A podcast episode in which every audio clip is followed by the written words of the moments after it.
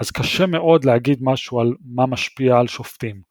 למשל, אפשר להגיד שאיזה מאפיין ספציפי של שופט משפיע על ההחלטה שלו, אבל קשה באמת להגיד את זה, בגלל שהרבה פעמים המאפיין הזה הוא משהו שנלקח בחשבון. למשל, האם שופט דתי מחליט שונה משופט שהוא לא דתי? קשה לדעת אם זה נכון או לא נכון, בגלל שאנחנו יודעים שבנושאים מסוימים נשיא בית המשפט העליון או נשיאה במקרה הזה, יש לה סמכות לקבוע את ההרכבים והיא לוקחת בחשבון את הזהות של השופט כשהיא מכניסה אותו לתיק ואת הנושא של התיק. אז קשה באמת מבחינה מחקרית להסיק הרבה דברים אם אתה יודע שהרכבים נבנים לאור העובדות של התיק, במיוחד בתיקים חשובים.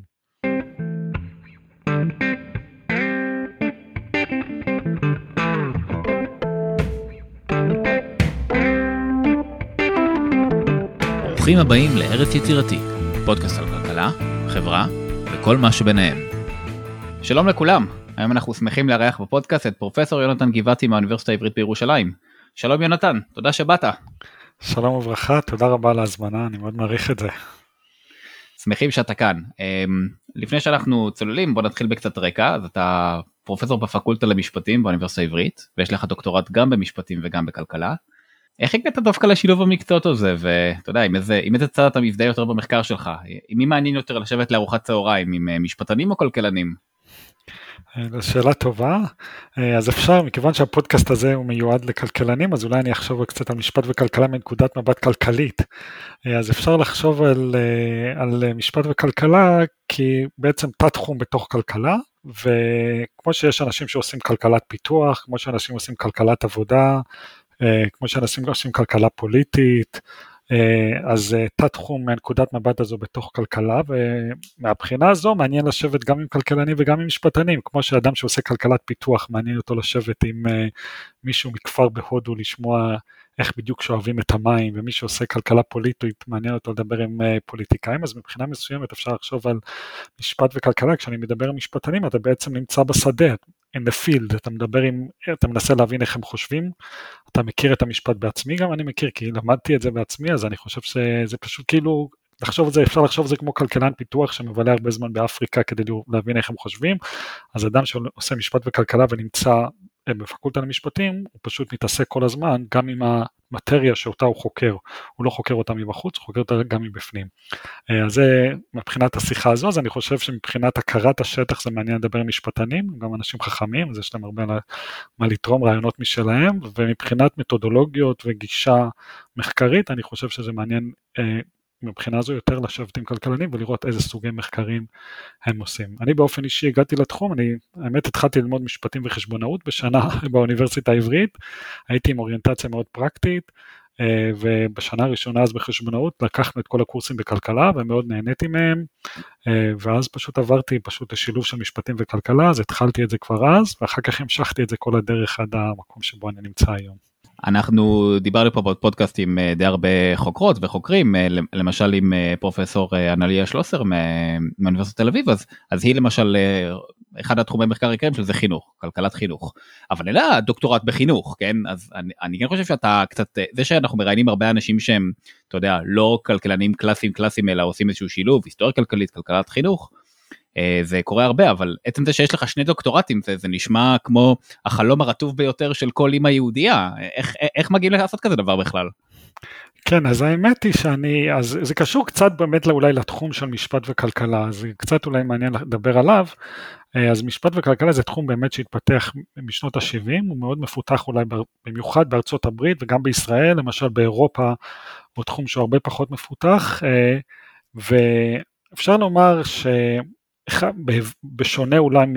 אני הקשבתי לפרק עם אנליה, אבל אנליה, אני זוכר ממה שהיא אמרה, היא אמרה שבארצות הברית למשל, היום בבתי ספר לחינוך יש היום הרבה כלכלנים, אה, אבל אה, אני חושב שבניגוד לתחומים אחרים, במשפטים באופן אה, יחסית מוקדם התחילו לשלב תובנות, במיוחד בארצות הברית, תובנות מהכלכלה בתוך הפקולטות המשפטים. אז המקום המרכזי שעושים מחקר, לפחות בארצות הברית וגם בישראל, במשפט וכלכלה, זה באופן מפתיע בפקולטות למשפטים, לא במחלקות לכלכלה, בניגוד לתתי התחומים האחרים, שבהם דווקא מתעסקים יותר במחלקות לכלכלה ופחות בבתי הספר האחרים. אה, חינוך אולי כמו, ש... אה, כמו שאנלי אמרה, אולי זו תופעה יותר חדשה, אז אה, מהבחינה הזו, יש עיסוק גדול בתוך התחום הזה בפקולטות למשפטים, אז זה לא מאוד מוזר לעשות דוקטורט במשפטים שמתעסק בתחום משפט וכלכלה, זה לא מאוד מאוד חריג, יש הרבה אחרים שעשו את זה, אז מהבחינה הזו אני לא מאוד חריג בזה שאני נמצא בפקולטה למשפטים ומתעסק, ומתעסק בתחום. באירופה דרך אגב המצב מאוד מאוד שונה, באירופה הפקולטות למשפטים הן הרבה יותר קלאסיות, אני אגיד דוקטרינריות, אה, מתעסקות יותר בבלק לטר לא, מתעסקים במשפט עצמו, פחות בגישות שמשקיפות על המשפט מבחוץ. אז אה, שם האנשים שמתעסקים במשפט וכלכלה הם דווקא יושבים במחלקות לכלכלה והם אה, לא בפקולטות למשפטים. גם באנגליה, דרך אגב, לא רק ביבשת. האמת זה מעניין מה שאתה אומר, משפטנים פרופר, משפטנים שאינם כלכלנים, אה, איך הם מתייחסים לתחום הזה, זאת אומרת, האם הם רואים את עצמם ככאלה שנתונים באמת לביקוש והיצע ושיטות כמותיות, או שזה סוג של וויצ'קראפט אה, עבורם? כן, אז זה, אז זה באמת מעניין, אז אה, אולי אפשר להגיד, אני אקדיש איזה דקה לנסות לחשוב על בכלל ההתפתחות של המשפט, אז זה קשור להתפתחות שהייתה בארצות הברית בעיקר, אז בתחילת המאה ה-20 הייתה תנועה שנקראת הריאליזם המשפטי. בתחום המשפט, בבתי ספר למשפטים, ובעצם התנועה הזו מאוד ביקרה את התפיסה הקלאסית של המשפט. אז התפיסה הקלאסית של המשפט המקובל הייתה שהמשפט הוא פשוט אה, מדע עצמאי, יש לו כלים משל עצמו, אה, יש לו שיטה ניתוחית משל עצמו, יש גם פשוט מושגים משפטיים שקיימים באופן אובייקטיבי, פשוט נמצאים שם. אז מה זה חוזה?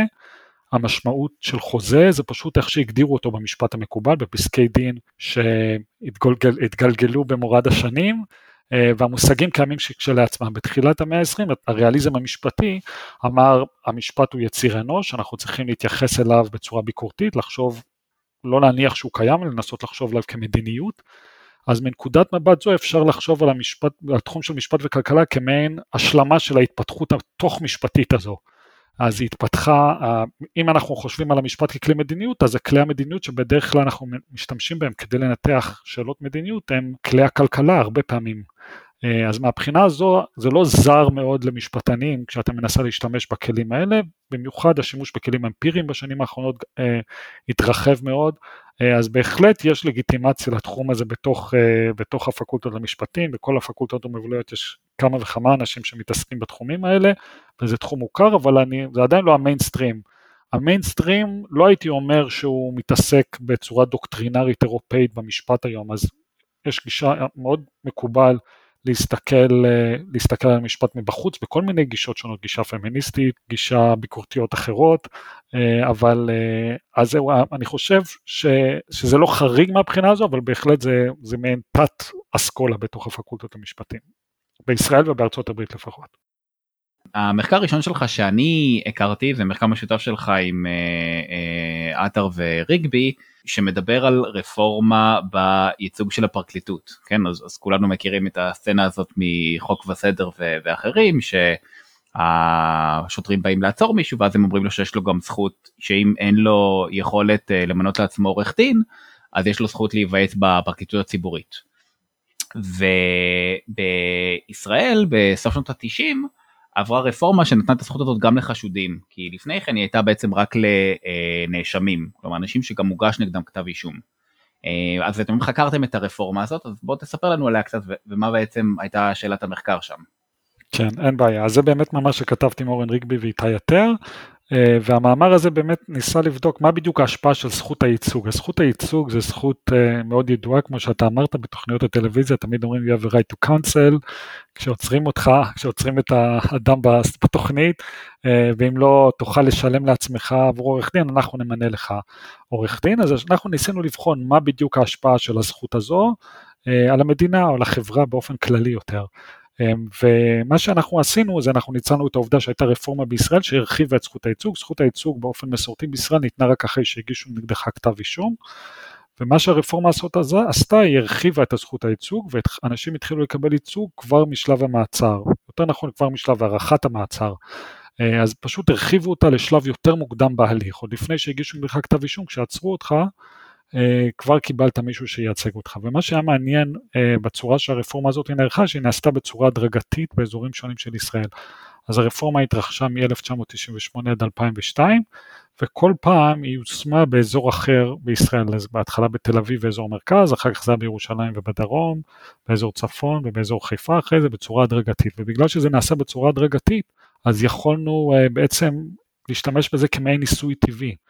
כשאתה מנסה לבדוק השפעה של איזה תרופה, בדרך כלל יש לך קבוצת בקרה וקבוצת ניסוי, אתה נותן את התרופה לקבוצה אחת ופלסיבו לקבוצת הבקרה, אז פה בזכות העובדה שאנחנו, הרפורמה התרחשה בצורה הדרגתית, בעצם בכל שלב אנחנו, יש לנו קבוצת ניסוי וקבוצת בקרה, יש את האזורים שבהם הרפורמה יושמה, ויש את האזורים שבהם הרפורמה עדיין לא יושמה, שמשמשים אה, כקבוצת בקרה כדי לבדוק בדיוק את ההשפעה של הרפורמה. אה, אז זה היה הייחודיות של הרפורמה בישראל, והיא אפשרה באמת לנו לענות על שאלה רחבה יותר, מה בדיוק ההשפעה של זכות הייצוג. אה, אם, ה, אם, ה, אם הרפורמה לא הייתה אה, נכנסת באופן אה, מתגלגל, למה בעצם לא יכולתם, אתה יודע, להסתכל על, לא יודע, מה קורה למגוון אה, דברים, לא יודע, אה, פשיעה, ההתפתחות הכלכלית, מה שלא בדקתם, אה, לפני ואחרי, כן? יש רפורמה, מסתכלים מה קרה לפני הרפורמה, מסתכלים מה קרה אחרי הרפורמה. למה בעצם הייתם צריכים את ההתגלגלות הזאת, והאם ההתגלגלות הזאת היא... היא, היא לא, היא עומדת במבחן בג"ץ, כן? כאילו אם אני חשוד באזור חיפה שעוברת רפורמה באזור תל אביב ועכשיו לא נותנים לי ייצוג כי אני מחיפה זה, זה נשמע זה נשמע לא עומד במבחן הסבירות והשוויון. כן אז, אה, אז אה, דבר ראשון לגבי השאלה הראשונה אז הסיבה שאנחנו היינו צריכים או שמחנו לגלות שהרפורמה יושמה בצורה אה, הדרגתית וכל הרפורמה התרחשה עוד לפני שאנחנו היינו באקדמיה אבל היה לנו נתונים מהעבר הסיבה היא שאנחנו בעצם רוצים לנטרל מגמות כלליות שקורות בישראל, אז בזכות זה שיש רפורמה שנערכת בצורה הדרגתית, נגיד שבאותה תקופה היה למשל ירידה כללית בפשיעה, uh, אז אתה רוצה בעצם לנטרל את ההשפעה הזו, והדרך שאתה מנטרל מגמות כלליות שמתרחשות בכל המדינה באמצעות זה שאתה משווה אזור אחד לאזור אחר באותה נקודת זמן. אה, אז העובדה שבאזור אחד הרפורמה יושמה ובאזור אחר הרפורמה לא יושמה ואנחנו מסתכלים רק על ההפרש ביניהם בעצם מאפשרת לנו לנטרל כל מיני דברים שמתרחשים אה, בכל המדינה ביחד. אז השיטה הזו בכלכלה היא שיטה ידועה נקראת הפרשי הפרשים או difference and differences והיתרונות שלה היא שבעצם אתה בעצם מצליח לייצר פה קבוצות בקרה בסיטואציה שהיא באמת לא כמו מעבדה בצורה מושלמת אבל מה שזה כן מאפשר לך זה לבדוק את ה... לנטרל מגמות כלליות או לנטרל מאפיינים ייחודיים שיש לאזורים שונים באמצעות, אה, אה, באמצעות השיטה הזו. אז זה, ה, זה הסיבה שאנחנו השתמשנו אה, בשיטה, ברפורמה הזו כדי לענות על השאלה. עכשיו השאלה השנייה, האם זה היה מוצדק שזה נעשה בצורה הדרגתית? אני באופן אישי חושב שזה מוצדק מאוד. הסיבה שזה נעשה בצורה הדרגתית בגלל שהסנגוריה הציבורית הייתה צריכה לבדוק, זאת אומרת בבת אחת הוטלו עליה אחריות אה, מאוד גדולה לייצג הרבה יותר אנשים ממה שקודם היא הייתה יכולה, אז הדרך היחידה מבחינה מכנית זה היה פשוט לעשות את זה בצורה הדרגתית, הם לא יכלו בצורה, בבת אחת לקחת את האחריות, היה צריך לראות שהכל עובד בסדר, אז אתה צודק שהיה תקופה שאנשים שפשעו למשל באזור תל אביב קיבלו סנגור ומי שפשע באזור צפון לא קיבל סנגור, אה, אבל מכיוון שלפחות מנקודת מבט כלכלית זה שהוא נמצא באזור צפון, Uh, המצב שלו לא הורע ביחס למצב קודם, אז אני באופן אישי לא חושב שזה בעיה, אבל אני יכול לחשוב על אנשים אחרים שכן יחשבו שזה בעיה. אתה אומר uh, היה, זה, זה יעיל פרטו, כן? Uh, לא, לא רע יותר. אני מסכים, אני מסכים, אבל כמו שראינו למשל בהקשר של הקורונה, יעילות פרטו לא משכנעת uh, את כל האנשים, אז למשל העובדה שה... למשל העיר שלי הולכת להיות בסגר, בכל מקרה, זה לא שכנע את כל האנשים שזה לא צריך, צריך לאפשר למשל לעיר אחרת להיפתח. אז uh, אני חושב שהרבה משפטנים לא מניחים שיעילות פרטו זה כשלעצמה שיקול מספיק טוב שהרפורמה תתרחש, אבל פה משום מה הבעיה הזו לא התעוררה אז. אנשים לא התלוננו, למרות שאני חושב שאם מישהו היה רוצה, אני חושב שהיה מוצא עורכי דין שיגידו שזה בעיה. אני חושב שבכל רפורמה ממשלתית מתחבא איזשהו כלכלן שהתפקיד שלו זה להגיד בואו נכניס את זה בצורה הדרגתית ולו כדי שיהיה לנו את הניסוי הטבעי לעשות את המחקרים אחר כך. אה, בנוגע למחקר שלכם, בואו נחזור לזה, מה הייתה שאלת המחקר, מה באמת רציתם לבדוק? אה, אז השאלה האמיתית שאנחנו רצינו לבדוק זה מה בדיוק ההשפעה על החברה כולה של הזכות לייצוג. אז אנחנו בדקנו באמת שלוש תוצאות מרכזיות. תוצאה אחת מרכזית הייתה לגבי האפקטיביות של הסנגורים. אז כשאתה נותן למישהו סנגור, קודם לא היה לו סנגור והיום יש לו סנגור משלב המעצר, האם המצב שלו משתפר. אז אחד מהממצאים שאנחנו מצאנו שבאמת כשאתה נותן למישהו סנגור, שוב פעם משווים אזור שבו זה נעשה לאזור אחר שבו לא נעשה, הסיכוי שאורך המעצרים אה, ירד למשל, זה אחד מהתוצאות שאנחנו מציעים, ועוד משהו שאנחנו מציעים זה שהסיכוי שבסוף המעצר התיק ייסגר גדל לעומת אזורים שבהם זה לא קרה. אז הדברים האלה הם זה תוצאה אחת שראינו לגבי האפקטיביות, זה מעודד גם כמישהו שמלמד בפקולטה למשפטים לראות שכשיש עורך דין הוא משיג תוצאות זה תמיד uh, משמח. Uh, אז זה תוצאה אחת שאנחנו... הם גם, הם גם טובים יותר מעורכי דין הפרטיים? אפשר, אפשר לוותר על עורכי דין פרטיים ולהסתמך על הפרקליטות? אז זה לא, רק אני אתקן, בגלל שאתה משתמש במונח פרקליטות, אז הכל זה דרך הסנגוריה הציבורית, לפחות מבחינה טרמינולוגית הפרקליטות זה הגוף שמייצג את המדינה שתובעת, והסנגוריה הציבורית זה מי שמייצג את ה... את הנתבעים, את המואשמים.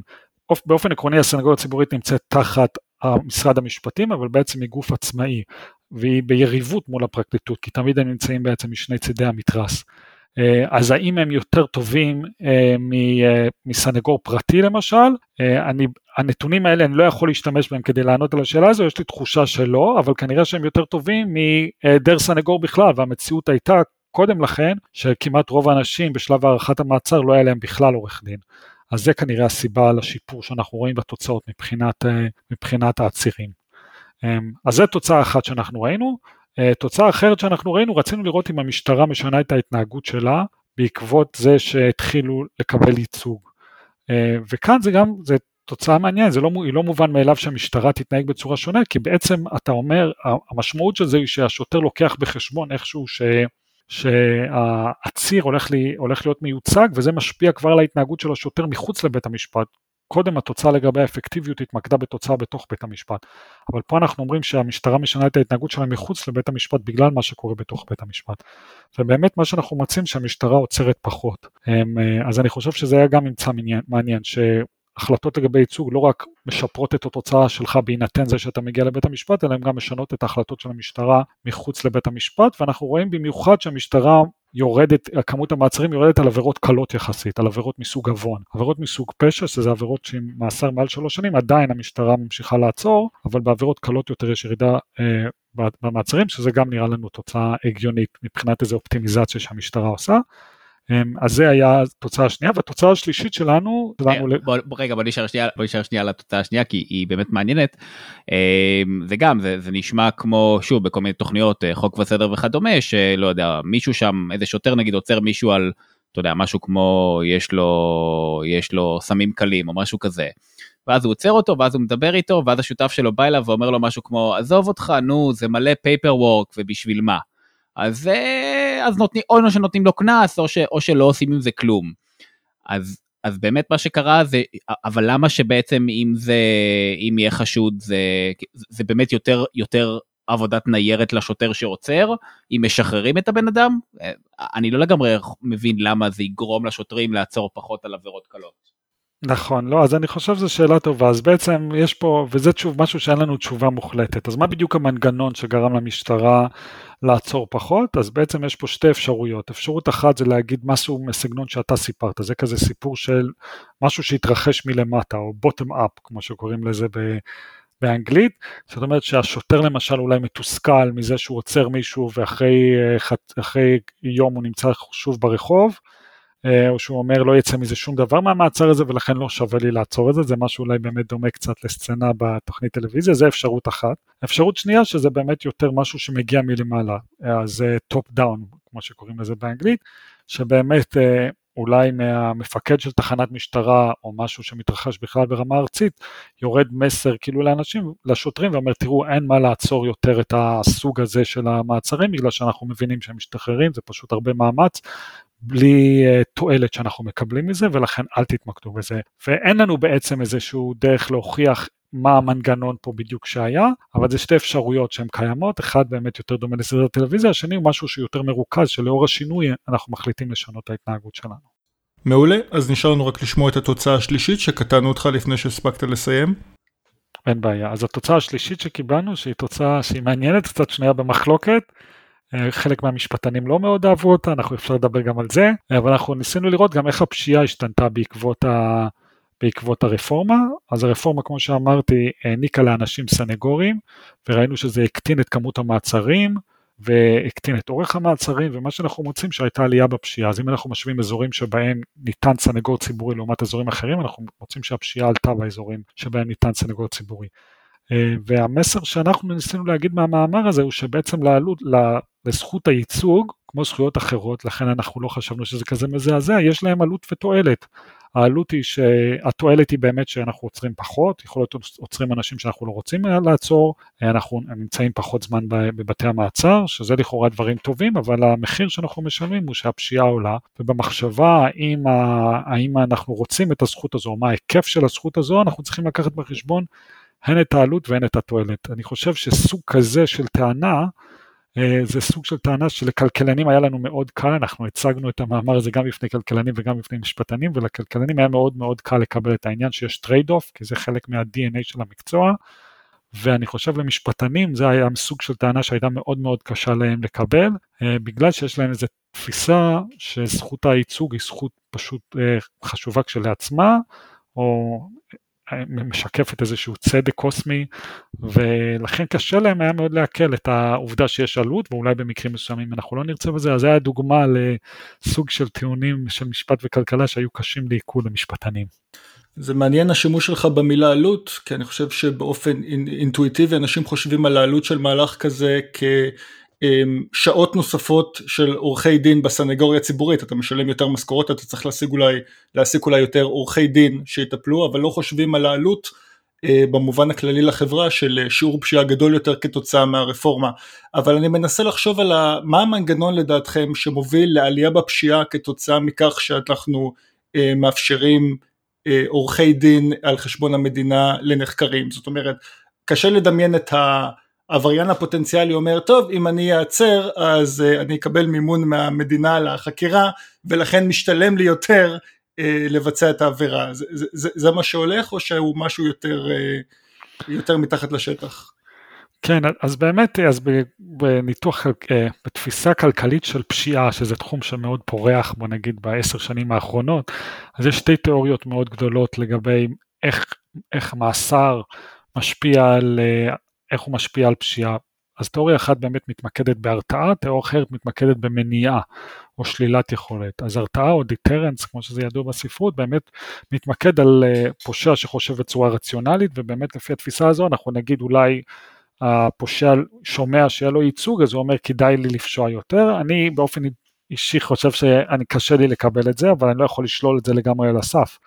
אבל יכול להיות שמה שקורה פה זה באמת יותר משהו שדומה יותר לתיאוריה השנייה. התיאוריה השנייה שהיא באנגלית נקראת incapacitation, שלילת יכולת או מניעה, uh, התיאוריה הזו אומרת שאנשים, פשוט כשאתה, יש לך אנשים שלא נמצאים בבתי מעצר או בבתי הכלא, הם פשוט פושעים כי הם נמצאים ברחוב, יש אנשים עם נטייה טבעית אולי לפשוע, או הסתברות יותר גדולה לפשוע, אה, וכשהם נמצאים בבתי הכלא קשה להם לפשוע מחוץ לבתי הכלא ושהם מחוץ לבתי הכלא הם יכולים לפשוע. אז במקרה שלנו מה שקרה זה כמו שאמרנו עצרו הרבה פחות אנשים. אלה שעצרו אותם עצרו לפחות זמן. אז פשוט הייתה קבוצה גדולה יותר של אנשים שפשוט נשארו מחוץ לבתי המעצר. אז דרך אחת להסביר למה הפשיעה עלתה פשוט כי הקבוצה הזו עכשיו נמצאת ברחוב ולפני שהייתה סנגוריה ציבורית האנשים האלה היו בבתי מעצר. אז זה דרך יותר טכנית כאילו לא אה, הרתעתית שמתמקד, שלא, שלא מתמקדת על הרתעה, אלא מתמקדת פשוט על מכנית, איך הפשיעה יכולה לגרום, כתוצ... לעלות כתוצאה מזה שיש פשוט יותר פושעים ברחובות. המנגנון הזה הוא בעצם מנגנון שאומר משהו בסגנון שרוב הפשיעה או חלק גדול מאוד מהפשיעה הוא, הוא, הוא מעין כזה פשיעה חוזרת של לא יודע career criminals או משהו בסגנון כלומר זה לא הבן אדם האקראי ש... גונב משהו קטן אלא אנשים שזה מה שהם עושים ביום יום שלהם ואז אם אתה מכניס אותם למעצר אז הם אז ביום אז אז לא, יהיה, לא, לא יהיו גנבות ב, לא יודע, באזור תל אביב כי לקחת את הגנב אופניים ושמת אותו ב, במעצר יש לכם דרך באמת לראות האם זה אנשים שהם uh, repeat offenders או מישהו שהוא one time offender וכל מיני דברים כאלה. אה, אז ממה שאני זוכר, אני צריך להיזכר בפרטים, אבל ממה שאני זוכר, אנחנו בדק, אני חושב שרוב הנט, הפושעים, זאת אומרת, אה, זו תופעה כללית שרוב הפושעים הם פושעים חוזרים, ואני חושב שגם בנתונים שלנו, אני חושב, ממה שאני זוכר, אנחנו מצאנו שהנתונים שלנו הם, הם פושעים חוזרים. אז מהבחינה הזו אני חושב שזה קונסיסטנטי בדיוק עם התפיסה שאומרת שיש לך אנשים שפושעים הרבה, וכשהם נמצאים ברחובות הם פשוט חוזרים לפשיעה. למה בעצם אתה חושב שלמשפטנים היה, כמו שאמרת, כלכלנים, לי זה נשמע ישר, ישר הגיוני, אתה מוריד את העלות לפשוע, או שאתה משאיר אנשים שפושעים במקומם. אמ, מה, מה בעצם היה קשה למשפטנים עם, ה, עם הנושא הזה? עצם זה ש, ש, שעשית פה מחקר כמותי והם חושבים על טיעונים שהם יותר לוגיים, או משהו יותר, אה, אתה יודע, עמוק בתפיסה שלהם? אמ, אז אני חושב שלהרבה משפטנים קשה מאוד עם הניסיון, מה שאנחנו עושים בסוף המאמר, אנחנו מנסים לעשות איזה חישוב עלות תועלת, אז אנחנו שמים איזשהו מחיר לפשיעה, אנחנו שמים איזה מחיר ליום מעצר שווא, אם אתה חושב שאנשים לא היו צריכים להיות עצורים קודם ובעקבות הרפורמה הם באמת לא נמצאים בבת מעצר, מה בדיוק המחיר שאתה שם לזה, או לתת איזשהו מחיר לעובדה שיש לך עורך דין, לתת איזה שווי של זה, אז אני חושב שהרבה אנשים מרגישים חוסר נעימות עם הניסיון לכמת את זה בצורה כספית. אני בדרך כלל אומר לאנשים שגם אם אתה לא עושה את זה בצורה מפורשת, אתה בצורה משתמעת עושה את זה. אז למשל, אם אתה חושב שזכות הייצוג היא באמת זכות כזו חשובה, היינו מצפים שהיית משקיע מיליארדים בסנגוריה הציבורית. או למשל היית שוכר את עורכי הדין הכי טובים בתל אביב כלהיות סנגורים, במקום לקחת עורכי דין פחות טובים. אה, אז אני חושב שבצורה משתמעת, הרבה פעמים אנחנו עושים את השיקולים המוסריים האלה, הכלכליים האלה, שמשקפים ערך שאנחנו נותנים לדברים, ערך כספי שאנחנו נותנים לדברים האלה, אבל אני חושב שלמשפטן סטנדרטי מאוד קשה לחשוב במובן הזה של אה, זה שווה אה, אני יודע מה, אלף דולר ליום שווה יום מעצר, הזכות הזאת צריך שווה ערך מסוים, בוא נראה אם הכל שווה, זו צורה שהיא לא, בדרך כלל במשפטים לא חושבים ככה, וזה קשה למי שבאמת מאמין, מי שמתעסק בתחום הזה זה אנשים שמאוד מאוד מאמינים בזכות לייצוג, וגם להגיד להם שתראו הזכות לייצוג הזו, אנחנו הצגנו את הסנגוריה, את המאמר הזה בפני הסנגוריה הציבורית, והתוצאות הראשונות מאוד שמחו אותם, העובדה ש... אורך המעצרים יורד, העובדה שהמשטרה עוצרת פחות, העובדה שעורכי הדין הם אפקטיביים זה לכאורה מאוד מחזק את החשיבות של העבודה שלהם, אבל התוצאה האחרונה שאומרת שיש לזה גם עלות, זה משהו שהיה להם קשה לעכל. אני חושב, בכל כל מקום שהצגנו את זה למשפטנים, זה היה תוצאה שהיה קשה לאנשים אה, לקבל או להסכים איתה או לחשוב בצורה שהיא כלכלית על הנושא הזה. כן, זה, זה, זה, זה, ממש מעניין, הייתה, יש לכם, אה, לך, ו, לך ולאיתי ולאורן, יש לכם עוד מחקר על, על רפורמה, במבנה הארגוני של, אה, של אה, מעצר ומאסר ב, בישראל. עכשיו אתה יודע, כשאני חושב על רפורמה במבנה ארגוני אז אני חושב איך אה, איפה ששירתי בצבא אז כל הסא"לים הפכו לאלופי משנה ומיין כזה, אתה יודע, פשוט התגשמות של חוק פרקינסון שהתרשים ההיררכי כזה משתנה ותופח. זה לא, ולהגיד לך האמת, אני לא חושב שבצבא זה אי פעם שינה משהו למישהו מלבד, לא יודע, להוסיף עוד קצת בירוקרטיה ועוד קצת ג'ובים. מה, אז, אז מה, מה הייתה הרפורמה שבמאסר שהיה בישראל, כי אני גם לא הכרתי אותה לפני, ו, ו, ו, ומה הייתה ההשפעה שלה ואיך בדקתם אותה? כן, אז, אז המאמר שם, המבנה שלו באמת קצת דומה למאמר הקודם, למרות שהוא נכתב לפני, אז שם אנחנו הסתכלנו, זה גם היה אירוע שהתרחש בישראל, אולי מי שגר, ב, מי שחי בתקופה הזו מכיר, אז זה היה בני סלע, שהוא היה אנס סדרתי, שתפסו אותו, אה, והיה בשלב מסוים הוא פשוט ברח מבית המעצר. ובעקבות זה שהוא ברח מבית המעצר, הוא ברח מהמשטרה פשוט. אה, ובעקבות זה שהוא ברח מהמשטרה הייתה ועדה שהוקמה כדי לנסות לחקור את הסיפור ואחת מהמסקנות של, ה, של הוועדה הזו הייתה שלא ברור שהמשטרה צריכה להיות אחראית על עצורים. המשטרה היא מאוד טובה בלחקור פשעים, אה, אבל לא ברור שהיא טובה בלשמור על אנשים שהם לא יברחו. הגוף שהוא מאוד טוב בלשמור על אנשים שהם לא יברחו זה שירות בתי הסוהר. ומה שהוועדה הזו המליצה זה שצריך אולי להעביר את בתי המעצר שבאופן מסורתי היו תחת המשטרה, אז באופן מסורתי בתי מעצר איפה שאדם נמצא עד שהוא מורשע היו תחת אחריות המשטרה ובתי כלא היו תחת שירות בתי הסוהר ומה שהרפורמה, מה שהוועדה הזו המליצה זה שאולי צריך להעביר את בתי המעצר גם לאחריות שירות בתי הסוהר בגלל ששירות בתי הסוהר הוא מאוד מוצלח בלמנוע מאנשים לברוח. אה, באמת הרפורמה זה מה שהיא עשתה, העבירה את כל בתי המעצר מהמשטרה לשב"ס וזה נעשה גם בצורה הדרגתית באזורים שונים של ישראל בין 2007 ל-2008 והתוצאה המרכזית שאנחנו מצאנו שם זה שכשהמעצר, בתי המעצר אתה מעביר אותם מהמשטרה לשב"ס, המשטרה מתחילה לעצור יותר. והתפיסה שלנו שם הייתה ש, שיש פה מעין החצנה של העלות. כשהמשטרה נשאה בעלות של המעצרים, אז היא הפנימה את עלויות המעצר, וכשהחליטה האם לעצור עוד מישהו, היא לקחה בחשבון את העובדה אם בתי המעצר מלאים, כמה זה יעלה לה לפחות באופן שולי, אבל ברגע שהכל נמצא בידי השב"ס, אז הרבה יותר קל לשלוח עצירים לשב"ס ולהגיד אה, לשב"ס, זה בעיה שלכם, תטפלו בזה. אה, אז אנחנו שם מצאנו גידול בכמות המעצרים ובאורך המעצרים.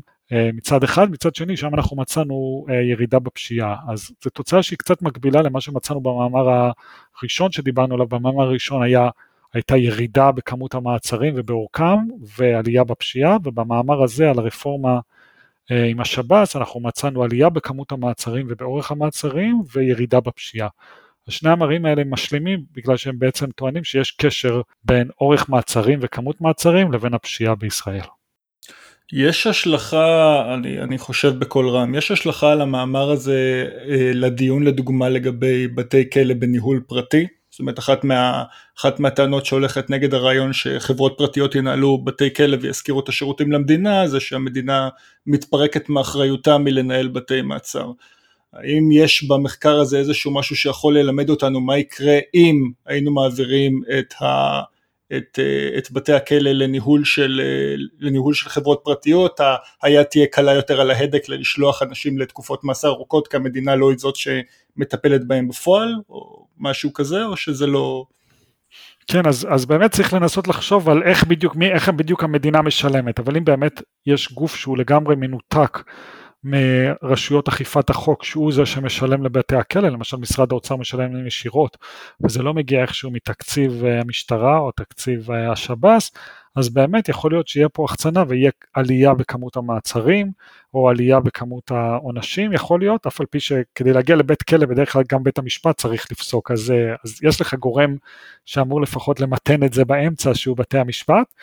ועכשיו השאלה אם זה רצוי או לא רצוי, זה השאלה מה האלטרנטיבה, למשל יכול להיות שאתה חושב שאין מספיק אנשים בבית הכלא, אז אולי זה טוב, אם אתה חושב שיש יותר מדי אנשים, אז אולי זה רע, אבל לפחות זה מראה על זה שפוטנציאלית זה יכול לגרום לעלייה, אבל כמו שאמרתי, בניגוד להתמק... למאמרים שלנו שהתמקדו במעצרים, ששם אמנם יש שופט שצריך לאשר את הארכת המעצר, אבל uh, הביקורת היא לא uh, כל כך אדוקה כמו במקרה של הרשעה על ידי בית משפט, אה, אז במקרה של בתי כלא פרטיים, אז שם לפחות הולך להיות, אה, אה, אמור להיות בית משפט, אבל כמו שאתם יודעים, בישראל זה נעצר על ידי בית המשפט העליון, אז לפחות לא נזכה לראות את זה פה. אני, זה גם, שוב, אותי זו תוצאה שמאוד מעניינת, זה כמעט נשמע גם כמו, אני רחוק מאוד מלהיות מקרואיסט, אבל זה נשמע כמעט כמו מדיניות עיקור. שהבנק המרכזי הוא כזה קונה אג"חים וקונה דולרים ברמה כזאת שעושה ככה שהאינפלציה בסופו של דבר נשארת מאוד דומה. מקווה שלא הרסתי, מקסימום דרור גולדברג יגיד לי שטעיתי בגדול. אמ, אז אני יכול, אם אני רוצה, אתה יודע, להשאיר את אה, כמות הפשיעה, לא להגדיל את כמות הפשיעה יותר מדי כשאני נותן סנגוריה ציבורית, אז אני גם תוך כדי אני אעשה אה, חצי מיקור חוץ מהמשטרה לשב"ס, ואז ככה אני שומר על, אה, על רמת הפשיעה ב steady state. כן, אז, אז אם, אם המטרה שלך, יש דרכים ישירות, אז זה, זה לא הכלי היחידי שבו אתה יכול לבקר את כמות המעצרים. למשל יש דרכים שאתה יכול, אתה יכול למשל להעלות את ה... לנסות להגיד שהסטנדרט למעצר הוא צריך להיות גבוה יותר, סטנדרט הראיות, אז אני לא ממליץ על זה דווקא בתור הכלי האופטימלי כדי לנסות לתמרץ שוטרים או לא לתמרץ שוטרים, אני בדרך כלל עדיף להשתמש בכלים ישירים. אני חושב שמה שמעניין בשתי הרפורמות האלה, שזה בעצם משהו שהם לא ציפו, כשדיברת עם אנשים, אנשים שדיברו על הרפורמה של העברת בתי המעצר לשב"ס, לא ציפו שזה יגרום לעלייה. אה, וגם אנשים שדיברנו בסנגוריה הציבורית ברפורמה לא חשבו שזה יגרום לירידה במעצרים. אז אני חושב שמה שמעניין במאמרים האלה, שבעצם יש תופעות, תמריצים משפיעים, אה, וגם כשאתה לא צופה אתה מקבל אה, תוצאות שאתה לא צפית אותן, שזה אני חושב מעניין, על ההשלכות הרחבות של זה, אבל אני לא הייתי ממליץ על הכלים האלה בתור הכלים האופטימליים כדי לקבוע איזושהי כמות אופטימלית של מעצרים, אם יש כזה כמות בדיוק. יש כלים נראה לי יותר ישירים כדי לנסות להשיג את המטרה הזו, אם זה בדיוק המטרה שאנחנו רוצים להשיג. אתה אומר שהמחקרים האלה אה, הראו שוב שחוק התוצאות הבלתי צפויות הוא צפוי מאוד, ושיש השלכות כלכליות ולא רק אה, חשבונאיות. כן, בדיוק. אני חושב שבשני המקרים האלה היה תפיסה שמדובר פה במשהו טכני, אה, עם בעל, בעל משמעות תקציבית אולי, או משמעות לזכויות העצירים, במקרה של אה, הסנגוריה הציבורית, ואולי לתנאי המעצר, או במקרה של העברת בתי המעצר לשב"ס, אבל, אבל לא חשבו על ההשלכות, על העובדה שזה ישפיע על התמריצים של השוטרים, התמריצים של המשטרה, על ההתנהגות, ההתנהגות של המשטרה ושל השוטרים, אז אני חושב שבאופן כללי אולי זה אחד מהתובנות הבסיסיות במשפט וכלכלה, שאני חושב שבזה הוא שונה מהרבה אה, סוגי ניתוח משפטי אחר זה שיש דגש מאוד מאוד על תמריצים והשאלה היא איך כל מיני כללים משפיעים על התמריצים של כולם מלכתחילה ויש איזה ניסיון תמיד לנסות להבין איך כללים שונים משפיעים על התמריצים ולאור זה איזה כלי הוא אופטימלי זה מעין כאילו התפיסה הייחודית למשפט וכלכלה בתוך התחום המשפטי. זה דווקא נשמע לי כאילו החטא הקדמון פה הוא לחשוב לרגע שהמשטרה או בתי המשפט חפים מתמריצים, זאת אומרת איזושהי נקודה שלא יכול להיות שהמשטרה אה, תשחרר ממעצר מישהו רק מכיוון שאיציק האחראי על בית המעצר בתחנה אומר עזוב אני עמוס היום תשחרר אותו או משהו כזה, אבל פעם אחר פעם אתה רואה שכולנו בני אדם וגם מערכות גדולות שמורכבות מבני אדם אה, מושפעות מתמריצים, אין מה לעשות. אני מסכים. אז יש כאלה שאומרים שבעצם זה תובנה, אפשר לסכם הרבה מאמרים בכלכלה עם השורה שאומרת אה, תמריצים משפיעים, incentives matter. אה, זה בעצם הרבה מאמרים בכלכלה, כמעט אולי כל אה, גיליון של כתב עת בכלכלה אתה יכול לעבור עליו ולראות באמת incentives matter בקונטקסטים שונים, אבל הם עדיין קונטקסטים חשובים, אני חושב להראות אותם, ו, וגם באמצעות עמידה אמפירית אתה כן יכול לקבל ערכים בדיוק, מה בדיוק ההשפעה של זה. אה, ולאור זה לנסות לחשוב האם כדאי לעשות משהו דומה במקום אחר. אז חוץ מהעובדה שאינסנטיבס מטר, אני חושב שלראות שזה נכון בקונטקסטים שונים זה חשוב, וגם לנסות לאמוד בדיוק את ההשפעה, אני חושב שזה מעניין.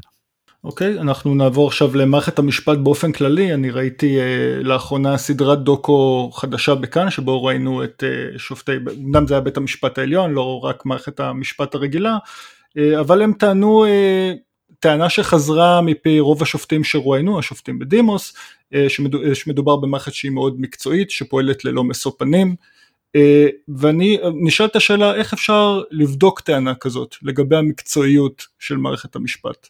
אז אני חושב שזו שאלה מאוד קשה, אבל אנחנו ניסינו, אה, במאמר אחר שלי, אנחנו ניסינו לבדוק את זה בקונטקסט של הרכבים שבית המשפט קובע.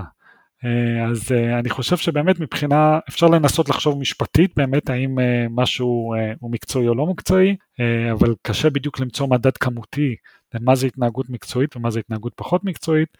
אז במחקר אחר שאני כתבתי אנחנו ניסינו לראות איך בבית המשפט העליון בישראל נקבעים הרכבים, ויש הליך היה עד לא מזמן, ההליך הזה כבר כנראה בוטל בהשפעת המאמר בין היתר, אבל uh, היה הליך ספציפי בתוך בית המשפט העליון שבו שופטים היו יכולים לקבוע את החברים שלהם להרכב. Uh, אז הרכבים בבית המשפט העליון הם כמעט תמיד שלושה שופטים, uh, והיה הליך שכשאנשים מגישים עתירה לבית המשפט העליון, אז בית המשפט העליון הוא קצת חריג בהשוואות בינלאומיות, אבל אנשים יכולים לעתור ישירות לבית המשפט העליון דרך הליך שנקרא בג"ץ, שהוא מוכר לכולנו, אבל ברוב המדינות זה קצת מוזר שאתה יכול להגיע ישר לבית המשפט העליון, לא דרך בתי משפט נמוכים, ובהליך הזה, אה, הדרך שמטפלים בו, הוא שבדרך כלל יש שופט תורן, והשופט תורן מקבל את העתירה, זו עתירה נגד המדינה תמיד בג"ץ, ואז הוא יכול להחליט או להעביר את העתירה להרכב, ואז המזכירות קובעת בצורה לא ברורה בדיוק את ההרכבים, לא מקרית אבל לא ברורה, ואלטרנטיבית הוא יכול לקרוא את העתירה, לבקש תגובה לפעמים מהמדינה, ואחרי זה להחליט לדחות את העתירה. ומה שהיה מאוד מעניין בהליך הזה הוא שבית המשפט, כשהשופט התורן היה מחליט לדחות את העתירה, מכיוון שהוא צריך שלושה שופטים כדי לדחות את העתירה, אז השופט התורן היה כותב החלטה לדחות את העתירה, ואז הוא היה בוחר שני שופטים שפשוט יחתמו לו על ההחלטה. אז מבחינה משפטית או מבחינה מהותית, כל שופט תורן, כשהוא החליט לדחות עתירות על הסף, הוא בעצם קבע את שני השופטים שישבו איתו בהרכב שידחה את העתירה הזו על הסף. ומבחינה השוואתית, ממה שאני מבין, זה מאוד חריג שנותנים לשופט לקבוע מי השופטים שישבו איתו, במיוחד כשהשופט כבר החליט שהוא רוצה לדחות את העתירה על הסף. אז הסיטואציה היא קצת מוזרה, השופט החליט שהוא רוצה לדחות משהו על הסף, ואחרי שהוא מחליט, הוא יכול לקבוע מי האנשים שהצטרפו אליו להחלטה לדחות את, אה, לדחות את העתירה על הסף. אה, אז בגלל שזו הייתה סיטואציה מאוד ייחודית, אה, אנחנו ניסינו לחקור איך בדיוק שופטים בוחרים את חבריהם להרכב, כאשר אתה שופט תורן, החלטת לדחות תחייה על הסף, את מי בדיוק אתה בוחר כדי שיצטרף אליך להרכב, כי יש לך את הסמכות לקבוע.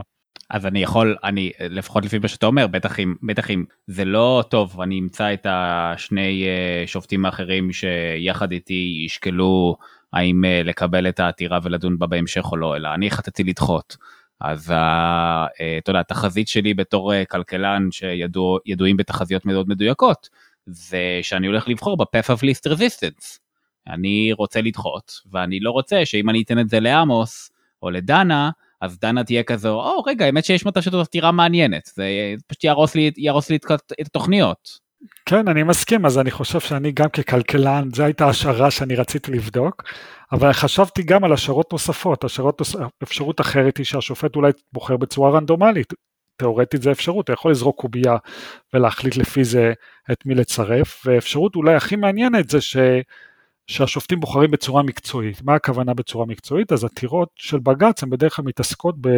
או משפט חוקתי או משפט מנהלי, הן לא מתעסקות למשל בדיני חוזים או במשפט פלילי. אז היינו מצפים שאם באמת בית המשפט מתנהל בצורה מאוד מאוד מקצועית, היינו מצפים שהשופטים כולם ילכו לבחור את האנשים שמתמחים בתחום הזה. יש שופטים שהם ידועים יותר מומחים במשפט מנהלי ומשפט ציבורי, אז זה עוד אלטרנטיבה שאפשר לחשוב שכולם יפנו לאנשים כדי לקבל את הגושפנקה שלהם להחלטה. אה, ובאמת האפשרות השלישית היא, כמו שאתה אומר, שאנשים בוחרים, כשהם בוחרים מישהו הם לוקחים בחשבון מה ההסתברות שהאדם שאני בוחר יסכים עם ההחלטה שלי, זה בחירה אסטרטגית. כשאדם לוקח בחשבון בבחירה של ההרכב, כששופט לוקח בחשבון בבחירה של חברי ההרכב, כיצד חברי ההרכב האלה יחליטו, מה הציפייה שלו לגבי ההחלטה של האנשים האלה, זה מבחינת, מנקודת מבט אה, שלנו, בחירה אסטרטגית. אה, ובאמת מה שאנחנו מצאנו, שבצורה באמת חד משמעית, נראה שכל שופט בוחר קבוצה אחרת של שופטים, בעצם יש מעגלים בתוך בית המשפט, אה, ויש שופטים שפשוט בוחרים באופן קבוע את החברים שלהם ב-80% מהמקרים או ב-90% מהמקרים, אה, וזה נראה מאוד קונסיסטנטי, זה לא נראה קונסיסטנטי עם התפיסה המקרית, זה גם לא נראה קונסיסטנטי עם התפיסה המקצועית, שכן מצפים שאנשים ילכו אה, לכמה אנשים שהם מומחים בתחום, וזה נראה הרבה יותר מתאים לתפיסה אסטרטגית, שאנשים בוחרים אנשים שיסכימו איתם. עכשיו הם יכולים להסכים איתם או בגלל שהם מסכימים איתם אידיאולוגית, או בגלל שהם, אה, או בגלל שהם פשוט חברים שלהם, אבל עדיין זה, הסכם, זה בחירה אסטרטגית, בגלל שכשאתה בוחר מישהו אתה לוקח בחשבון מה הסיכוי שהוא יסכים עם ההחלטה שלך. אז אה, מנקודת מבט זו אנחנו חושבים שהנתונים שם מאוד uh, קונסיסטנטיים לפחות עם הטענה שיש פה בחירה אסטרטגית של הרכבים. זה נשמע אה, כמו, בדומה לסנגוריה הציבורית, אני לא נראה לי שבית המשפט העליון אהב את המחקר הזה. אה, אני חושב שמה ששמעתי לפחות לא כולם אהבו את, את, את המחקר הזה, אבל אני חושב שמבחינה השוואתית, אה, אני חושב שהוא היה עדיין מאוד מעניין, כי פרסמנו אותו לא רק בישראל, פרסמנו אותו גם אה, בחו"ל, כי אני חושב שזו שאלה מאוד מעניינת, איך בדיוק צריכים להיקבע הרכבים. אז למשל בארצות הברית, הגישה הסטנדרטית שבה הרכבים נקבעים זה פשוט באמצעות תוכנת מחשב בצורה רנדומלית, ובאמת זה משיג תוצאות שהן רנדומליות, כמו שהיינו מצפים. אה, וקשה לפחות לי להבין למה פה בית המשפט לא מוכן לאמץ תפיסה מאוד דומה, זאת אומרת שכל ההרכבים צריכים להיקבע בצורה מקרית, אה, אני חושב שזה גם שוויוני מאוד מנקודת מבט של העותרים, שאתה לא יודע מראש, אה, אתה לא, אתה לא יודע, אני, אתה יודע שיש לך הסתברות דומה לקבל, לקבל הרכבים בצורה, מסוגים שונים, אין איזה מישהו שקובע אותם בצורה מתוכננת, אני חושב שעוד משהו בהקשר הזה, בישראל כמו שאמרתי, השופט התורן הוא מדבר, הוא הוא uh, מטפל בעתירה. אז הרבה אנשים מתזמנים, הרבה ארגונים מתזמנים את העתירה שלהם כשהשופט התורן יהיה שופט שהם רוצים, וזה גם משהו הזוי. הם יכולים בכל מיני דרכים לחזות מי בדיוק יהיה השופט התורן השבוע הבא לעומת השבוע, יש, אני יכול להיכנס לפרטים אבל זה פחות מעניין, וגם זה מאוד הזוי, הדרך הכי נורמלית לפי דעתי לטפל בבעיה הזו, שגם השופט התורן ייקבע בצורה מקרית, הכל צריך להיקבע בצורה מקרית. השופטים גם לא ממונים כמומחים לתחום מסוים. אז אני, נראה לי הפתרון. בארצות הברית עשו אותו כבר לפני המון שנים, אבל פה בית המשפט נראה לי מתנגד לסיפור, זה פשוט שכל ההרכבים ייקבעו בצורה מקרית, אה, וגם התורנים ייקבעו בצורה מקרית, גם בהקשר של תורנ... אה, עתירות שנדחות על הסף, וגם בהרכבים בבית המשפט באופן כללי, אני חושב שהכל צריך להיות בצורה מקרית, זה נראה לי הכי שוויוני, אז אה, קשה לי להבין למה מתנגדים לזה. אתה בסדר, יש לך גם אינטרס אה, נסתר וניגוד אינטרסים מובהק, כי אתה רוצה שזה יהיה אקראי כדי שתוכל לעשות את הניתוח האמפירי הנקי ביותר. אמ, אבל, אבל... אני מסכים, זה עוד נקודה אולי ששווה להדגיש, שזה גם המאמר הזה קצת מעלה, יש מחקר אמפירי בשנים האחרונות באמת על פסיקות של בית המשפט העליון, אבל אני חושב שחלק מהמחקר הזה הוא בעייתי, בגלל שהרכבים בישראל לא נקבעים בצורה מקרית, אה, אז קשה מאוד להגיד משהו על מה משפיע על שופטים. למשל, אפשר להגיד שאיזה מאפיין ספציפי של שופט משפיע על ההחלטה שלו, אבל קשה באמת להגיד את זה, בגלל שהרבה פעמים המאפיין הזה הוא משהו שנלקח בחשבון. למשל, האם שופט דתי מחליט שונה משופט שהוא לא דתי? קשה לדעת אם זה נכון או לא נכון, בגלל שאנחנו יודעים שבנושאים מסוימים נשיא בית המשפט העליון, או נשיאה במקרה הזה, יש לה סמכות לקבוע את ההרכבים והיא לוקחת בחשבון את הזהות של השופט כשהיא מכניסה אותו לתיק ואת הנושא של התיק. אז קשה באמת מבחינה מחקרית להסיק הרבה דברים אם אתה יודע שהרכבים נבנים לאור העובדות של התיק, במיוחד בתיקים חשובים. ואמרת אבל שהמערכת שיבוט הזאת כן אה, השתנתה אולי אפילו בעקבות המאמר, אז, אבל זה כנראה לא אקראי לפי מה שאתה אומר, אז, אז מה יש עכשיו? אז בעצם אנחנו התמקדנו בהליך מאוד ספציפי, אז בהליך ספציפי הזה, אה, כמו שאמרתי, כשעותרים אה, והשופט עותרים לבג"ץ והשופט התורן רוצה לדחות על הסף, אז ההליך היום הוא שכבר הוא לא יכול לבחור מי שהוא רוצה, אלא הוא חייב לבחור את השופט התורן שיהיה בשבוע שאחריו ואת השופט התורן בשבוע שאחריו. אז יש פה עדיין אפשרויות לתזמון, בגלל שהוא יכול למשל לשחרר את ההחלטה בשבוע שהשופט התורן שהוא רוצה נמצא שם, אז יש פה קצת אפשרויות, אבל זה יצטמצם יותר בגלל שהוא לא יכול, אין אפשרות לבחור מי שרוצים, אבל זה היה רק הליך מאוד ספציפי, אבל בתיקים רגילים בבית המשפט העליון, תיקים גדולים ששומעים עליהם בתקשורת, זה תיקים שבהם ההרכב, הסמכות לקביעת ההרכב היא נקבעת על ידי, אה, הסמכות לקביעת הרכב היא נקבעת על ידי אה, נשיאת בית המשפט העליון. הטענה של בית המשפט היא שהנשיאה לא משתמשת בסמכות הזאת, ומי שקובע את ההרכבים זה המזכירות, אבל לא ברור מה ההנחיות של המזכירות, לפי מה המזכירות בדיוק קובעת את זה. אז עוד משהו שאנחנו הראינו במאמר הזה, שגם בהרכבים האלה, גם בהרכבים הרגילים, לא רק בהליך הזה הספציפי שבו התמקדנו, של דחיית עתירות על הסף, אלא גם בהרכבים החשובים שבהם מחליטים תיקים חשובים בצורה מהותית, גם שם אנחנו רואים ראיות לבחירה אסטרטגית. זאת אומרת, אנשים ששופטים שהנשיאה הנוכחית העדיפה לשבת איתם כשהיא הייתה שופטת תורנית, שהיא בחרה בהם כשופטת תורנית, היא גם יושבת איתם הרבה יותר היום, אז גם שם אנחנו חושבים שגם אם התיקים בפועל נקבעים על ידי המזכירות, כנראה שהמזכירות קיבלה הנחיות לקבוע תיקים מסוימים עם אנשים מסוימים, אה, ולכן גם שם נראה שיש לפחות ראיות לבחירה אסטרטגית, ואני חושב שגם פה הפתרון הוא פשוט מאוד פשוט, הכל צריך להיקבע בצורה מקרית. אני יכול לעשות את התוכנת אקסל הזו בדיוק בשתי דקות, קשה לי להבין למה לא לעשות את זה. כן, כן, אה, שמע זה מרתק וכן, אה, ללא ספק אקראיות זה הפוליסה הטובה ביותר.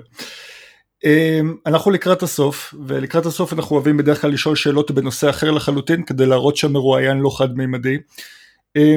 אם ננסה לסדר את כל מדינות העולם על גבי ציר, שבצד אחד שלו אנחנו נשים מדינות שלא מתערבות בכלכלה ובעסקים שבתחומן, שמאופיינות בשוק חופשי פראי ובלתי מרוסן לסייפר, ובצד השני אנחנו נמצא אה, תכנון ריכוזי, רגולציה קפדנית, אה, שוק מתוכנן באמצעות הממשלה. אז יש לנו כמה מדדים איכותניים שאנחנו יכולים אה, להשתמש בהם כדי למקם את המדינות על גבי הציר הזה. יש את ה-ease of doing business, יש לנו מדדים שסופרים את כמות החוקים והרגולציות, יש כאלה שבודקים כמה ימים לוקח לך כדי להשיג רישיון עסק במדינה, אבל עד שלא קראתי את המאמר שלך לא שמעתי מישהו שמציע לבדוק את מה שאתה כינית הרגולציה על השפה.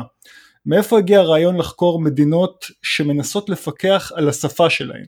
כן, אה, אז האמת הרעיון הזה הגיע אז באופן אה, מסורתי בשיטת, אה, כשלומדים משפט משווה, משפט משווה זה תחום שמסתכל על שיטות משפט שונות במדינות שונות, אז יש בגדול שתי שיטות משפט דומיננטיות בעולם, שיטה אחת נקראת המשפט המקובל, זה השיטה שמקורה בבריטניה, אז השיטה הזו נמצאת בבריטניה ובהרבה מדינות שהיו קולוניות של בריטניה, גם ארצות הברית, אוסטרליה, קנדה, ישראל במידה כמעט מוחלטת עם משפט מקובל, אה, אז, אה, אז זה סוג של שיטה אחת, סוג של שיטה אחרת זה נקרא common law באנגלית, השיטה האחרת זה נקראת המשפט הקונטיננטלי או civil law באנגלית, והשיטה הזו היא נמצאת במדינות אירופה וגם בקולוניות של מדינות אירופה, זה בעצם השיטות הגדולות שנמצאות בעולם. אז הרעיון הזה ללחשוב על הקשר, אז אני חשבתי הרבה מאוד זמן על השורשים הפילוסופיים באמת של השיטות האלה, מה בדיוק ההבדלים בין השיטות, אז אני אגיד לכם כמה הבדלים ביניהם, ואז, אנסה, ואז ניסיתי לחשוב מה בעצם מאחד את השיטות האלה.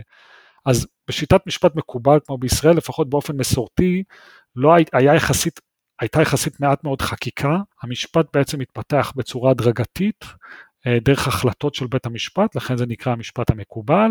אה, אז היה מאוד חשיבות להתפתחות הדרגתית אבולוציונית של המשפט. אה, השופטים גם בדרך כלל הגיעו מהפרקטיקה, אנשים שהתעסקו בתחומי, קודם כעורכי דין ואחר כך נהיו שופטים. ובשיטת המשפט הקונטיננטלי, הגישה, לפחות באופן מסורתי, הייתה מאוד גישה של אה, חקיקה. אז היה קודקסים משפטיים, הקודקס הכי מפורסם הוא הקודקס של נפוליאון, שהוא בעצם, התפיסה הייתה אומרת שהמשפט הוא תוצאה של מומחים שיושבים ביחד ומנסים לתכנן את המשפט. אז אתה לוקח הרבה מומחים, בישראל זה גם תופעה שהייתה, התרחשה בישראל מהבחינה הזו סיפור מעניין, כי השורשים פה הם של משפט מקובל, אבל הרבה משפטנים יהודים גרמנים הגיעו לישראל והיה להם מאוד קשה לעכל את השיטת המשפט המקובל והם מאוד ניסו לדחוף לקודיפיקציה. קודיפיקציה זה אומרת אנחנו ננסה למחוק את המשפט המקובל ואנחנו נביא כמה מומחים שהם ינסו לתכנן לנו את המשפט, רצוי שהם יהיו פרופסורים אה, והם יתכננו את המשפט בצורה top down, בצורה מתוכננת. אז זה הגישה המרכזית, זה ההבדלים המרכזיים. אה, השופטים גם בדרך כלל זה שופטים שצומחים דרך מערכת של אה, בתי, בתי ספר לשופטים. אה, אז יש גישה, גם עוד הבדלים שיש באופן מסורתי במשפט המקובל יש מושבעים, בצור, באופ... והשופט הוא לפחות מבחינת קביעת העובדות הוא נותן לשופטים, למושבעים לקבוע את זה, בשיטת הקונטיננטלית השופט הוא הרבה יותר אקטיבי, הוא קובע את, ה... הוא קובע את העובדות, הוא גם חוקר בעצמו, הוא הרבה יותר אקטיבי, הוא שואל שאלות, אה, אז השיטות האלה הן שיטות שמאוד ידועות בתחום של משפט משווה, ומה שקרה זה שאני, היה לי כל מיני, בדרך כלל כשאני חשבתי על השאלה הזו, באמת אה, בקורס שאני לימדתי, שאני עדיין מלמד בניתוח כלכלי של המשפט, אני בדרך כלל ניסיתי להסביר את השיטות האלה כי הן מאפיינות סדר ספונטני וסדר מתוכנן. אז אה, הייק, שהוא כלכלן ידוע, כן, שזכה בפרס נובל, יש לו הרבה כתיבה על סוגים שונים של סדר, והוא, והוא מדבר הרבה על spontaneous order versus planned order, אז יש החידוש המרכזי של הייק הוא שיכול להיות סדר חברתי שהוא לא מתוכנן בצורה מכוונת. הוא תוצאה של פעילות אנושית, אבל הוא לא תוצאה של תכנון. והדוגמה הקלאסית לזה שהוא מביא זה מערכת המחירים, אז אנחנו מקצים את המחירים, של, את המוצרים שלנו בשוק בצורה ספונטנית, אף אחד לא יושב בשוק חופשי לפחות בתור, בתוך ועדה שמנסה להקצות את המשאבים, אבל בכל זאת המשאבים מוקצים כתוצאה מפעילות אנושית. אז זו דוגמה קלאסית לסדר ספונטני, ומהבחינה הזו אפשר לחשוב גם על המשפט המקובל, זה לא רעיון רק שלי, זה דברים שהייק בעצמו אמר, המשפט המקובל הוא גם, הוא גם בעצם דוגמה לסדר ספונטני, בגלל שהמשפט מתפתח בצורה הדרגתית, לא מתוכננת, יש שופטים שמנסים דברים שונים, אבל בסוף איזה משפט יעיל הוא המשפט שבסוף הופך להיות איזה, לקונצנזוס לעומת זאת התפיסה של משפט אה, קונטיננטלי היא הרבה יותר סדר מתוכנן, היא הרבה יותר חושבת על המשפט כחבורה של מומחים שכמו שהם יכולים לתכנן את הכלכלה הם יכולים גם לתכנן את, ה, לתכנן את המשפט, להגיד לנו מה המשפט הנכון. אז האמת שאני לימדתי את זה בקורס והשתמשתי באמת בדוגמה הקלאסית הזו של, אה, שהייק תמיד אומר ששפה זה גם דוגמה לסדר אה, ספונטני. אה, אבל הייתה לי איזה תלמידה בקורס והיא העירה לי והיא אמרה שזה לא ברור ששפה זה סדר ספונטני, אה, בגלל שיש אקדמיות לשפה שהן באמת, למשל בצרפת, זו אקדמיה מאוד מפורסמת שחושבת שצריך לתכנן את השפה, לא לתת לשפה להתפתח בצורה, אה, בצורה ספונטנית. אז באמת בעקבות ההערה הזו שקיבלתי בקורס מתלמידה, אני התחלתי לחשוב על הקשר בין הדברים האלה, בין התפיסה שלנו לגבי שפה, לגבי משפט ולכלכלה. ו, וכשהתחלתי לאסוף נתונים על הרגולציה של שפה וגם על רגולציה של כלכלה והמשפט זה נתונים שכבר היו קיימים אז מהבחינה הזו מה שהיה חסר זה הנתונים על השפה ומה שאני מצאתי בעצם שיש קשר בין שלושת הדברים האלה למרות שבאופן טבעי לא ברור שהם יהיו קשורים. אז אתה מוצא בגדול כשאתה אוסף את הנתונים שמדינות שנוטות לתכנן את השפה שלהם הן גם נוטות לתכנן את הכלכלה לתכנן את השפה במובן זה שיש להם אקדמיות ללשון שהם חושבים שהם צריכים להגיד מה זה שפה נכונה או לא, הן גם יותר נוטות לתכנן את הכלכלה וגם התפיסה המשפטית שלהן היא יותר מתוכננת, שהיא משפט, תפיסה של law, של משפט קונטיננטלי, ולעומת מדינות, לעומת זאת מדינות שהן לא מתכננות את השפה שלהן, הן גם נוטות פחות לתכנן את הכלכלה ופחות את המשפט. אז לפחות ההבנה שלי, הטענה שלי הייתה שזה יכול לשקף איזושהי תפיסה, תפיסה תרבותית עמוקה, שכאשר יש לך איזה צורך להתמודד עם איזה בעיה, מה בדיוק הגישה שלך? האם הגישה שלך היא להביא מומחים ולנסות שהם, לבקש מהם שהם יפתרו את הבעיה ויתכננו את הפתרון, או שאתה מוכן לתת לדברים להתפתח בצורה אבולוציונית כדי להשיג את התוצאה הזו משל עצמה. אז אני, אז אני חושב שזה מאמר מעניין, כי הוא מראה קשר בין דברים שלא ברור שהם קשורים, אבל כשחושבים על זה, אני חושב אפשר למצוא את הקשר הפילוסופי בין הדברים האלה. לי, לי אישית יש פינה חמה מאוד בלב להייק, כי הוא השלים את המעבר שלי מקומוניסט לקפיטליסט כשקראתי את הדרך לשעבוד. ואני מאוד... תודה להייק. כן, ואני, ואני, ואני מאוד שמח ש, שהוא, שהוא היווה השראה למחקר הזה. אני שנייה הולך להיות אה, קנטרן כמו כזה בסמינר לכלכלה של לנסות להרוס לך את התוצאות. אמ, אני זוכר הרצאה מאוד מפורסמת גם של אה, ניל פרגוסון, היסטוריון כלכלי מאוד מפורסם, ש... אמר, אם אני זוכר נכון, שכל התפיסה של אה, נגיד אה, שוק חופשי is a peculiarly Protestant or Anglo-Saxon. אמ, אז השאלה אם יכול להיות שנגיד הקשר הזה שאתה מוצא גם בין משפט מקובל וגם אה, שוק חופשי וגם חוסר רגולציה של השפה, זה פשוט אנגלית, כן? אז אנגלית, אין, אין, אין, אין, אין, באנגליה אקדמיה לשפה. אמ, וזהו, כאילו אתה פשוט מוצא, אתה פשוט מוצא את, ה, את האנגלו-סקסיות של, של אנגליה ושל המושבותיה לשעבר. אמ, כן. יכול להיות? כן. לא, זה יכול להיות, אז אנחנו ניסינו, אה, אני, זה אני בעצמי כתבתי מאמר, סליחה, אז אני ניסיתי uh, להתמודד עם השאלה הזו, אז בעצם אני יצרתי שני מדדים לרגולציה של שפה. אז uh, מדד אחד זה פשוט האם יש רגולטור או אין רגולטור, אה, ובהקשר הזה באמת אנגלית, אני חושב שזו תופעה מעניינת שאין לה רגולטור בניגוד להרבה מאוד שפות אחרות, ואני קצת מדבר במאמר על ה debate, היה ממש debate סביב הסיפור הזה, היה אנשים שמאוד מאוד ניסו לדחוף את הרגולציה, כל מיני אנשים מפורסמים, אבל סמואל ג'קסון ואחרים התנגדו מאוד, לה, התנגדו מאוד לזה, אז אני חושב שזה משהו שמעניין לעצמו, אבל זה סוג של מדד אחד, וסוג של מדד אחר שאני מודד זה כמה זמן הייתה רגולציה. אז אחד מהדברים המעניינים מאוד לגבי רגולציה של שפה, שהיא מאוד עתיקה, היא הרבה יותר אה, מבחינה מסוימת, לעומת המדדים האחרים, היא, אה, היא הרבה פעמים, המדינות אימצו אותם עוד לפני למשל שהיה להם את הקודקס של, ה, את הקודקס אה, של המשפט האזרחי, שזה אחד מהמאפיינים הכי בולטים של, ה, של, ה, של הסיבילו, אז למשל בצרפת יש אקדמיה ללשון כבר מ-1635. באיטליה אני חושב שזה מ-1589, אז זה דברים שמשקפים איזו תפיסה עמוקה מאוד, אה, תרבותית עמוקה לגבי איך מתמודדים עם, עם שפה. אז שני מדדים שאני משתמש בהם זה מדד אחד, האם יש רגולציה או אין רגולציה, האם יש אקדמיה ללשון או לא, ואחרת זה, ואחר זה כמה זמן יש רגולציה. אה, ומה שאני מגלה זה באמת במדד השני שאני משתמש בו, כמה זמן יש רגולציה, גם אם אני משמיט את מדינות הדוברות אנגלית, עדיין אני מקבל את התוצאה. אז אני מסכים איתך שהרבה מההשפעה פה זה מדינות דוברות אנגלית, אבל לפחות מבחינה אמפירית, גם כשמשמיטים את המדינות האלה, עדיין אתה מוצא קורלציה בין הרגולציה, המדד של הרגולציה לפי כמה זמן יש רגולציה, לבין התוצאות שאני אמרתי, האם המדינה, האם, כמה, כמה הרגולציה של הכלכלה יש מבחינת דיני עבודה, יכולת לפתוח עסקים, בעלות של המדינה על הבנקים, אה, וגם האם המדינה היא משפט מקובל או משפט קונטיננטלי, אז זה דרך אחת לענות לשאלה שלך, שגם אם משמיטים את המדינות האלה עדיין אתה מוצא את התוצאה. מעניין אותי לדעת אם, אני לא יודע אם הסתכלת על זה, אבל האם מדינות שיש להן רגולציה על השפה, שיש להן, אקדמ... שיש להן איזושהי אקדמיה ללשון ושהפרסומים שלה מחייבים את מוסדות הממשלה, יש איזשהו יתרון מדיד שאפשר להצביע ולהגיד כן אתם אה, יש לכם אה, משטרת שפה ש, שמשלמים לה ושהיא כונסת אתכם בכל פעם שאתם מתבלבלים בשם עצם או בשם מספר אבל מכיוון שיש לנו את, ה, את הבירוקרטים הללו שמקפידים על, על הגייה נכונה של השפה אנחנו מקבלים 1, 2, 3 יש איזשהו יתרון מדיד למדינות האלה?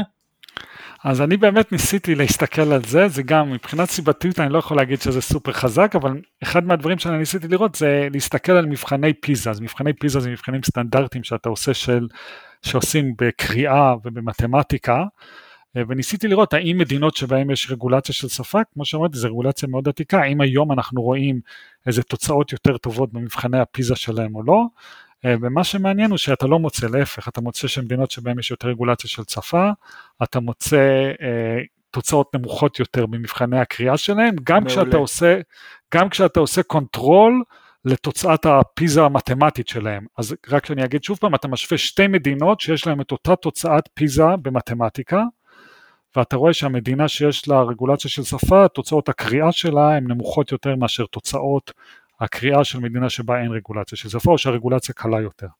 אה, אז אה, אני מהבחינה הזו אני לא מוצא איזה הוכחה שיש פה איזה השפעה חיובית מהרגולציה של השפה. אנשים אחרים יגידו לך, טוב, עצם זה שיש רגולטור זה משהו סימבולי שאנחנו רוצים, אבל זה, זה משהו שאני לא יכול לנתח, זה פשוט איזושהי העדפה סימבולית שיש לך לקיום הרגולטור.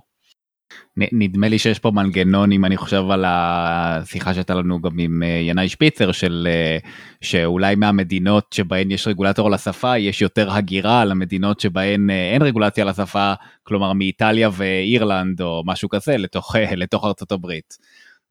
אז זה דווקא משהו ש... אז, לא, אז אני משהו שאני גם ניסיתי לבדוק אני ניסיתי לבדוק האם הרגולציה של השפה היא משקפת אה, איזה משהו תרבותי עמוק יותר. אז מה שהסתכלתי, הסתכלתי על אנשים שהיגרו לארצות הברית ממדינות שבהם יש רגולציה של שפה, לעומת אנשים שהיגרו לארצות הברית ממדינות שאין רגולציה של שפה, שהמשפחות שלהם הגיעו ממדינות עם הרבה רגולציה של שפה או מעט. ומה שאתה מעניין שאתה מוצא הוא שאנשים שהיגרו לארצות הברית ממדינות עם רגולציה של שפה, יש סיכוי יותר גדול שהם גם יתמכו ברגולציה של הכלכלה, למשל רגולציה של מחירים או רגולציה של שכר. לעומת זאת מדינות, אנשים שהיגרו לארצות הברית ממדינות שבהם אה, יש פחות רגולציה, הם פחות נוטים לתמוך ברגולציות האלה בארצות הברית, גם שכוללים הרבה מאוד controls אחרים. אה, אז אה, זה קונסיסטנטי לפחות עם הטענה שאולי הרגולציה הזו משקפת איזושהי תפיסה תרבותית לגבי uh, הצורך לתכנן את השוק, לתכנן דברים שונים, לתכנן את השפה, uh, אז uh, זה, קונסיס, זה מתאים יותר לתפיסה, זה מתאים לפחות לטענה שלי שיש פה משהו תרבותי עמוק שהרגולציה הזו משקפת. וואי, זה, זה, זה, זה, זה ממש מעניין אבל אנחנו ממש מתקרבים לסיום. שאלה אחרונה שהייתי, שמעניין אותי לשמוע אותך לסיום, אז אתה חוקר את הנושא של כלכלה ומשפט ופשיעה.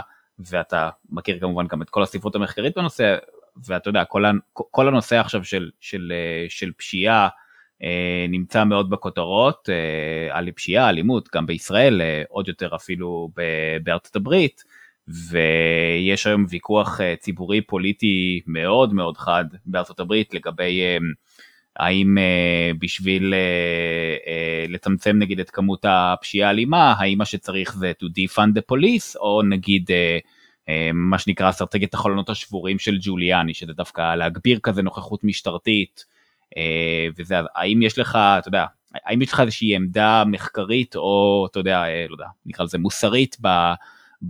לגבי הוויכוח הזה של איך אתה באמת מתמודד עם uh, בעיה של פשיעה ובמיוחד פשיעה אלימה שהיא באמת הפשיעה הכי כנראה הכי חשובה מבחינה ציבורית וחברתית. אה, אז האמת שזה נושא רחב, ואני לא קרימינולוג שאני יכול להגיד שאני מספיק עשיתי המון מחקרים על הנושא הזה. אני חושב שהמחקרים שלי לפחות הראו שפעילות מעצרים של המשטרה משפיעה על הפשיעה. יכול להיות שיש אלטרנטיבות יותר טובות, קשה לי לאמוד אותם, אבל שני המחקרים שאני הייתי מעורב בהם, בישראל לפחות, הראו שהמשטרה עוצרת יותר, זה פוגע, זה מוריד את הפשיעה, שהמשטרה עוצרת פחות, הפשיעה עולה. אני לא אומר שבהכרח חייבים לעצור יותר או לעצור פחות, אבל ירידה דרמטית בכמות המעצרים, אני משער שהיא תגרום לעלייה בפשיעה. אה, אז מהבחינה הזו, כללי מדיניות שיגרמו באמת לירידה כזו, אני מצפה שהם יגרמו לירידה בפשיעה, לעלייה בפשיעה. עכשיו צריך להחליט אם רוצים את זה או לא, יכול להיות שאנשים אומרים עדיין זה מחיר שאני מוכן לשלם בגלל שחשוב לי שיהיה פחות אה, אנשים במעצר, בגלל שאנחנו חושבים שהמעצר למשל עוצרים אנשים מסוג מסוים ואנחנו לא רוצים שיעצרו, אז זה כבר כאילו החלטה נורמטיבית שאנשים צריכים לקבל, אבל מבחינה פוזיטיבית לגבי uh, מה בפועל יקרה, אני משער ששינוי ירידה מאוד גדולה במעצרים תגרום לעלייה בפשיעה, שזה לפחות מה שהמחקרים שאני uh, מצאתי תומכים בו. פרופסור יונתן גבעתי, היינו שמחים לשעה נוספת, אבל אנחנו צריכים לסיים. תודה רבה לך על הזמן שלך היום. תודה רבה לכם על ההזמנה, אני ממש נהניתי מהשיחה.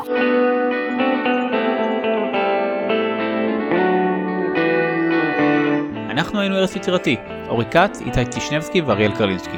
בהערות הפרק אפשר למצוא קישורים לספרים, מחקרים ודברים נוספים שדיברנו עליהם. אפשר למצוא אותנו בפייסבוק ובכל אפליקציות הפודקאסטים. תעשו לנו לייק ותשתפו עם חברים. נתראה בפרק הבא.